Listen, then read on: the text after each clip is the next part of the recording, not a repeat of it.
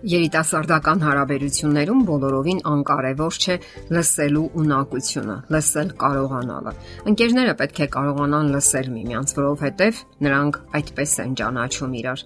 Ուսումնասիրությունները այսպիսի փաստեր են արձանագրում։ Մեր արթուն ժամանակի 70%-ը մենք անց ենք կացնում ուրիշների հետ շփվելու վրա։ Դա ներառում է խոսելը, լսելը, կարդալը կամ գրելը։ Այդ ժամանակի ավելի քան 33%-ը մենք նվիրաբերում ենք խոսելուն, իսկ 42 տոկոսը լսելուն։ Սա նշանակում է, որ մենք ավելի շատ լսում ենք, քան խոսում։ Հետևաբար, քանի որ ժամանակի մեծ մասի ընթացքում մենք լսում ենք, ուրեմն այն առաջնային նշանակություն ունի մեր կյանքում։ Մասնագետները նաև նշում են, որ ամուսինների կեսից ավելին բողոքում է այն բանից, որ դիմացինը լավ չի լսում իրեն։ Կանայք բողոքում են, որ ամուսինները չեն լսում իրենց, իսկ տղամարդիկ հայտարարում են, որ կանայք երբեք չեն լսում, թե ինչ են ասում իրենք։ Այո, լսելը կամ ավելի ճիշտ չլսելը ամուսնական հիմնախնդիրներից մեկն է։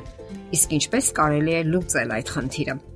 Վատ ունկնդրելը սկիզբ է առնում վատ սովորություններից։ Ամենակայքայիչ սովորություններից մեկը խոսողին ընդհատելն է եւ տեսողական շփման բացակայությունը։ Երբ մեկը ընդհատում է մյուսին, նա արդեն մտածում է պատասխանի մասին եւ սպասում է հարմար պահի, որpիսի ասի իր ասելիքը։ Հնարավոր է դա մարդկային հակվածությունն է, ընդհատել դիմացինին, երբ ինչ որ կարևոր միտք է գալիս գլուխդ։ Դա իհարկե իր տեսակետից է։ Դա իհարկե տվյալ մարդու տեսակետից կարևոր է եւ նա շտապում է ասել այն, որpիսի չմոռանա։ Սակայն նույնքան կարևոր է, որ հնարավորություն տակ դիմացինին կոնկրետ դեպքում ձեր ընկերոջը ասելու իր ասելիքը, վերջացնելու իր խոսքը, որքան էլ դա ձանձրալի թվա։ Դիմացինի խոսքը ընդհատելու սովորություն ունեն հատկապես սանգվինիկները։ Երբ նրանք դիմացինի պատմածների եւ իրենց ծանոթ որևէ պատմության մեջ նմանություն են տեսնում, անհրաժեշտ են համարում անմիջապես պատմել այն կամ շարունակել նույնիսկ ընդհատում են դիմացինին։ Իսկ ինչի մասին է վկայում տեսողական շփման բացակայությունը։ Դա վկայում է անվստահության, անուշադրության եւ այն մասին, որ խոսքը չի հետաքրքրում ձեզ։ Երբ ընկերներն արդեն վատ հարաբերությունների մեջ են, նրանք հազվադեպ են նայում միմյանց աչքերի։ Անհետանում է այն հայացքի կախարդական հատկությունը, որը կոչվում է աչք աչքի։ Լարված հարաբերությունների ժամանակ ընկերները խուսափում են տեսողական շփումից մի քանի շաբաթ կամ նույնիսկ ամիսներ շարունակ։ Տեսողական շփման բացակայությունը սովորաբար օգտագործվում է որպես պատիժ կամ անբավարարվածության դրսևորում։ Երբ կողմերից մեկը գիտակցաբար հրաժարվում է տեսողական շփումից, դա կարելի է նույնիսկ դաժանություն որակել։ Ահա թե ինչու, եթե դուք ցանկանում եք բարելավել ձեր հարաբերությունները կամ ցանկանում եք լավ լսող լինել, վերականգնեք ձեր մերձությունը տեսողական շփման միջոցով։ Կան վատ լսելու այլ տարատեսակներ եւս, որոնք արկա են տարբեր հարաբերությունների դեպքում։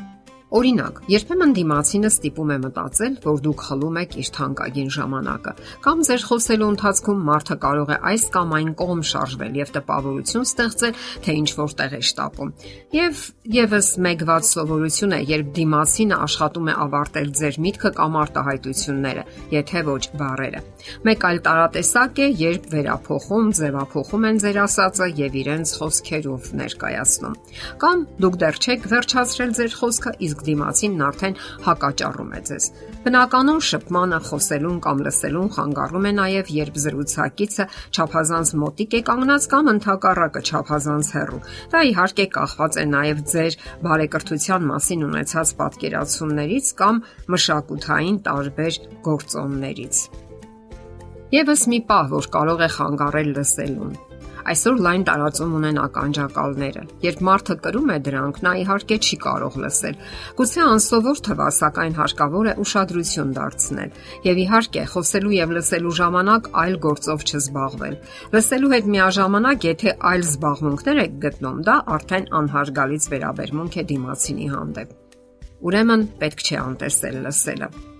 Ժամադրությունները նաև դրա համար են, որpիսի եւ խոսեք եւ լսեք միմյանց։ Եթե լսելը, հատկապես ակտիվ լսելը, կարևոր է երեխաների հետ փոխհարաբերությունների ժամանակ, ապա ուշադիր լսելը վկայում է, որ դուք իսկապես հետաքրքրվում եք այն ամենով, ինչ ասում են ձեզ։ Դիմացինն այնքան էլ անմիտ չէ, որ ձեր դիմախաղից չհասկանա ձեր անհաղորդ վիճակը, իսկ ընդհանուր առմամբ լսելը, որքան էլ դա հասարակ ու հեշտ բան թվա, այնքան էլ այդպես չէ։ Իրականում այն լուրջ եւ հաճախ էլ ծանր գործ է։ Դա ենթադրում է ոչ բառային շփում, աչքերի շփում։ Դուք հետևում եք բառերի համատեքստին, թաքնված դրթապաճառներին եւ այլն։ Նաև ճիշտ հարցեր եք տալիս։ Հասկանում եք ընդմիջումների կարևորությունը։ Դա իրականում ծանր աշխատանք է, սակայն արդյունքը հիանալի է։ Դուք մերց հարաբերություններ եք հաստատում։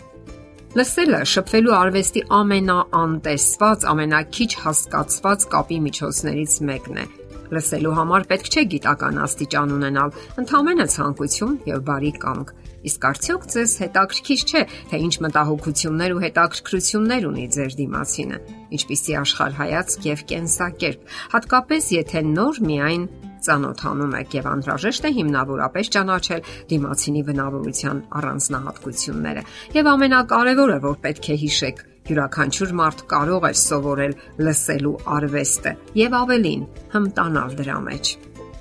Եթերում ճանապարհ երկուսով հաղորդաշարներ։